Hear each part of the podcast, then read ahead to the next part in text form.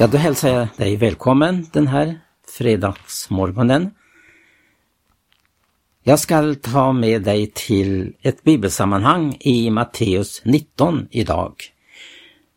Och eh, jag vill påminna om eh, tron som övervinner svårigheter. Tron som övervinner svårigheter. Det är så att om en sann tro, den möter svårigheter, men genom tron så övervinnes svårigheterna. Man kan säga så här att en levande tro är att låta det omöjliga bli möjligt. Alltså man låter det omöjliga bli möjligt genom trons kraft och hemlighet. Och då vill jag gå utifrån en text i Matteus 19. Nu ska jag inte ta tid att läsa hela sammanhanget. Det, det är eh, över ett halvt kapitel här i Matteus 19. Och där det handlar om att eh, Jesus får sammanträffa med en ung man, en rik yngling. I ett annat av evangelierna står det en överhuvudsman. Och han trädde fram och han säger till Jesus, vad ska jag göra för att få evigt liv? Eh, ja, han eh, fortsätter där samtalet och Jesus säger att eh, påminner om buden. Och då står det någonting mycket gripande om den här unge mannen att det har jag hållit, alla de här buden har jag hållit som Jesus eh, talar till honom om. De har jag hållit allt ifrån min ungdom. Det var ju väldigt gripande svar som den, denne man ger Jesus. Det har jag hållit från mina ungdom. Och det står vid annat tillfälle att Jesus fick kärlek till honom. Men så säger han någonting till den här mannen. Han var rik och eh, eh, han säger till honom att gå bort och sälj allt och giv åt de fattiga. Då ska du få en skatt i himlen och kom sedan och följ mig. Och här mötte tron, alltså tron den har ju sin, sitt upphov i ordet. Det ord Jesus talar till den här mannen, det kan ge honom möjlighet att uppleva trons kraft i sitt liv. Och tron är ju det som övervinner svårigheter. Ja, aposteln Johannes säger ju att detta är den seger som har övervunnit världen, vår tro. För här är det frågan om att han verkligen får uppleva att det Jesus säger till honom, det sätts på prov. Gå bort och sälja allt. Och vi förstår att den här rike mannen, han eh, verkligen eh, har fastnat i denna tidens rikedom. För eh, det visar ju sig också då att när han inte tar emot det ord som Jesus ger honom går han bedrövad bort. Och det står att ty han hade många egodelar. Det som är hemligheten med den här berättelsen vi har i Matteus 19 är just det här att när tron möter det omöjliga, han upplevde detta är ju omöjligt. Och det erkänner lärjungarna också eh, när Jesus säger hur svårt är det inte för den som har penningar att komma in i himmelriket. Ja, det är lättare för en kamel att komma genom ett nålsöga än för den som är rik att komma in i Guds rike. Och då ställer lärjungen här frågan, ja men vem kan då bli frälst om det är på det, om det förhåller sig så? Men då säger Jesus här, som har att göra med trons hemlighet. Jesus såg på dem, står det, för människor är det omöjligt, men för Gud är allting möjligt. Det fanns alltså en möjlighet också för denne man som var rik att eh, gå bort och sälja allt. Eh, det som är avgörande för honom det är ju det att han inte sätter tro till det ord som Jesus lyder inte det Jesus säger att han ska göra. För tron får sin fullbordan i lydnaden. Det som är hemligheten med den här berättelsen, det är ju det att hade den mannen som ägde många ägodelar eh, gjort vad Jesus sa så skulle han ha fått uppleva trons kraft i sitt liv som hade ett enda ögonblick löst honom ifrån eh, sitt begär efter denna tidens goda.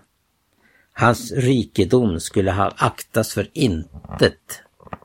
Det hade blivit hans upplevelse om han hade gjort vad Jesus sa.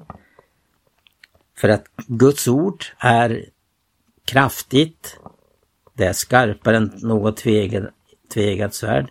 Det är så mäktigt att det rår på alla hinder, alla svårigheter. Det hade rått på den här mannens svårigheter att äga mycket men inte vilja gå bort och sälja och ge åt de fattiga. Och få detta också erbjudande att kom sedan och följ mig. Du ska få en skatt i himlen och kom sedan och följ mig.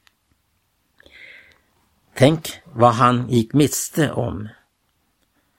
Och eh, Bibeln förtäljer inte huruvida det skedde med hans liv i fortsättningen. Men är helt uppenbart att här kom han att välja eh, sin rikedom framför trons ord, trons kraft som kommer av ordet. För det var mäktiga ord detta som Jesus uttalade. För där i det Jesus säger, där är allt möjligt.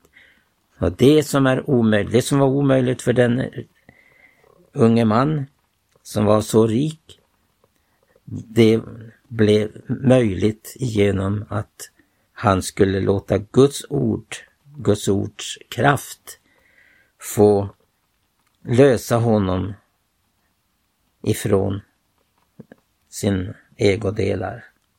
Han gick bedrövad bort, står det. Guds ord fick ingen framgång i hans hjärta. Men det här som lärjungarna säger, det var framförallt Petrus då som, som säger så här, se vi har övergivit allt och följt dig. Där hade alltså Jesu ord fått framgång. Det hade fått en framgång hos Petrus i det att han hade övergivit allt och följt honom, följt Jesus. Det, det, vi kommer gång på gång att få möta människor på Bibelns blad som väljer det ena eller det andra. Petrus valde det som skapade möjligheter för honom att eh, överge allt för att följa sin mästare. Ja, Jesus säger det är många som ska försöka komma igenom den trånga porten. Många ska försöka men skall inte förmå det. Varför förmår man inte? Därför att man har ett förbehåll. Och eh, då det gäller trons hemlighet kan man inte ha något förbehåll utan det handlar om att låta Guds ord få makt över ens situation. Och det här ger ju ett underbart vittnesbörd om hur Petrus hade upplevt trons kraft i sitt liv i det att han övergav allt och följde Jesus. Jag har ett annat exempel som jag också vill nämna. Och det är där, man, där Jesus vill, där, där Jesus eh, sätter lärjungarna på prov för att se vad de trodde för någonting. Och då ska jag be Gertrud som är med här idag att läsa ifrån Johannes evangelium. Ja, det är från Johannes eh, 6, sjätte kapitlet. Där står det så här, från första versen. Därefter for Jesus över Galileiska sjön, Tiberias sjö, och mycket folk följde honom därför att de såg de tecken som han gjorde med de sjuka. Men Jesus gick upp på berget och satte sig där med sina lärjungar och påsken, judarnas högtid, var nära. Då nu Jesus lyfte upp sina ögon och såg att mycket folk kom till honom sade han till Filippus, varifrån skola vi köpa bröd så att dessa får äta? Men detta sade han för att sätta honom på prov, ty själv visste han vad han skulle göra. Filippus svarade honom, bröd för 200 silverpenningar vore icke nog för att var och en skulle få ett litet stycke. Då sade till honom en annan av hans lärjungar, Andreas, Simon Petrus broder, här är en gosse som har fem kornbröd och två fiskar. Men varför slår det för, för så många? Jesus sa, låt folken, folket lägra sig här. Och på det stället var mycket gräs. Då lägrade sig männen där och deras antal var vid pass femtusen. Därefter tog Jesus bröden och tackade Gud och delade ut åt dem som hade lagt sig ner där, likaledes och av fiskarna, så mycket de ville hava. Och när de voro mätta sade han till sina lärjungar, samla tillhopa de överblivna styckena så att intet förfares. Då samlade de tillhopa och fyllde tolv korgar med stycken som av de fem kornbröden hade blivit över efter dem som hade ätit. Ja, ett, från som lärjungen uttrycker det, om man hade haft 200 silverpenningar så hade var och en fått ett litet, litet stycke var. Och ifrån att eh, han ser det så, när man ser det på ett mänskligt sätt. Men ser man på det ett gudomligt sätt så blir det så som Jesus också sa vad det skulle ske. Att det skulle bli tolv korgar över av några små fiskar och ett bröd. Eller några bröd. Som denna gosse hade och överlämnade till Jesus och han välsignade det och det blev över. Tolv korgar över. Istället från ett litet stycke till var och en om man ser det på ett mänskligt sätt. Och nu var det väl så också att man inte säkert inte ens hade 200 silverpenningar. Det var ju mycket folk. Det står att det var 5000 män. Då kan vi tänka också att det var kvinnor och barn med i den samlingen där ute i öknen. Ja, det är trons hemlighet. Och vi kommer gång på gång att få uppleva att vår tro den sätts på prov. Ja, här var det ju så att Jesus ville sätta dem på prov. När Israels barn drog ut ifrån Egypten så var det ju naturligtvis eh, genom Moses tro som dessa under skedde med folket. Att Mose hade tro för att eh, Guds ord står över faraos makt. Och att man då också vid uttåget från Egypten ställs inför det omöjliga. När man har havet framför Röda havet låg framför dem. Det var eh, berg på högra och på vänstra sidan och bakom dem så kom Israels krigshär. Faraos krigshär. Faraos krigshär. Just det. Ja, i den situationen så finns det inget mänskligt att ta till, utan en man hade tro. Och Gud säger till honom, räck ut staven och havet delade sig. Och vi känner till också fortsättningen av detta. Men vi tänker också på folket som gång på gång faller för otron. Och eh, istället för att tacka och prisa Gud så knorrar man. Var ska vi få mat härifrån? Var ska vi få vatten och så vidare. Men allt detta var för att Gud ville lära dem att tro på att Guds härlighet skulle bli uppenbarad. Guds härlighet uppenbaras inte på våra villkor eller på vårt sätt att handla, utan det handlar om att vi handlar utifrån ett gudomligt initiativ. Ära vare Gud. Räck ut din stav.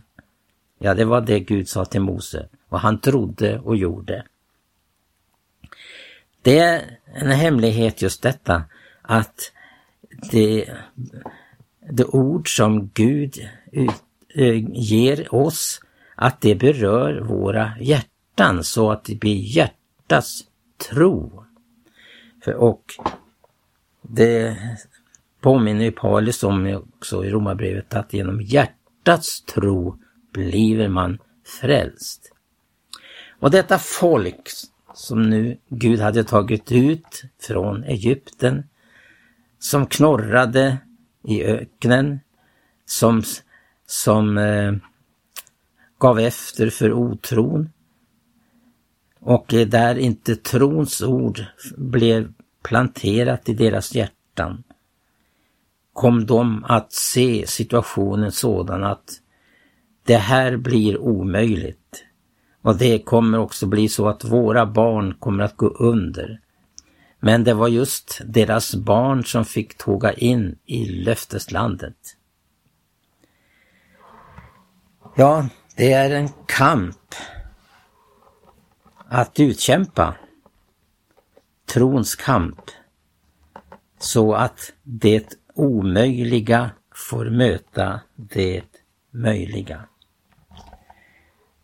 Jag tänker på en, en, en, en liten sång som vi sjöng på sportlovsveckorna en hel del år sedan nu.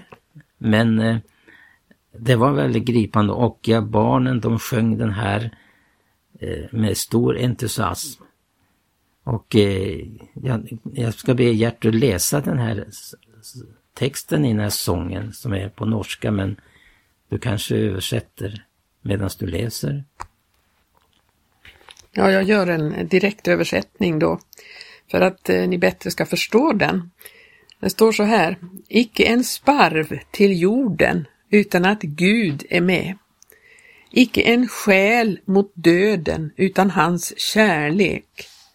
Icke en blomma är vissnad, icke en tår föll, utan att han vet om det, han som är överallt. Tro det när stormen härjar bladlösa vinterträd. Tro det när bränning bryter över de nakna skär. Tro det när obeskyddad mitt i en kamp du står. Tro det när helt alena du med smärta går. Tro det när något brister utan att växa fram. Tro det när någon mister det som var allt för dem. Tro det när hoppet går under utan att resa sig. Icke en sparv till jorden. Det är ett ord till dig. Ja, trons hemlighet. Den har ju sitt ursprung. Och det är väldigt gripande också att se att eh, genom allt får vi erfara att tron bär igenom var en som kommer i vår väg.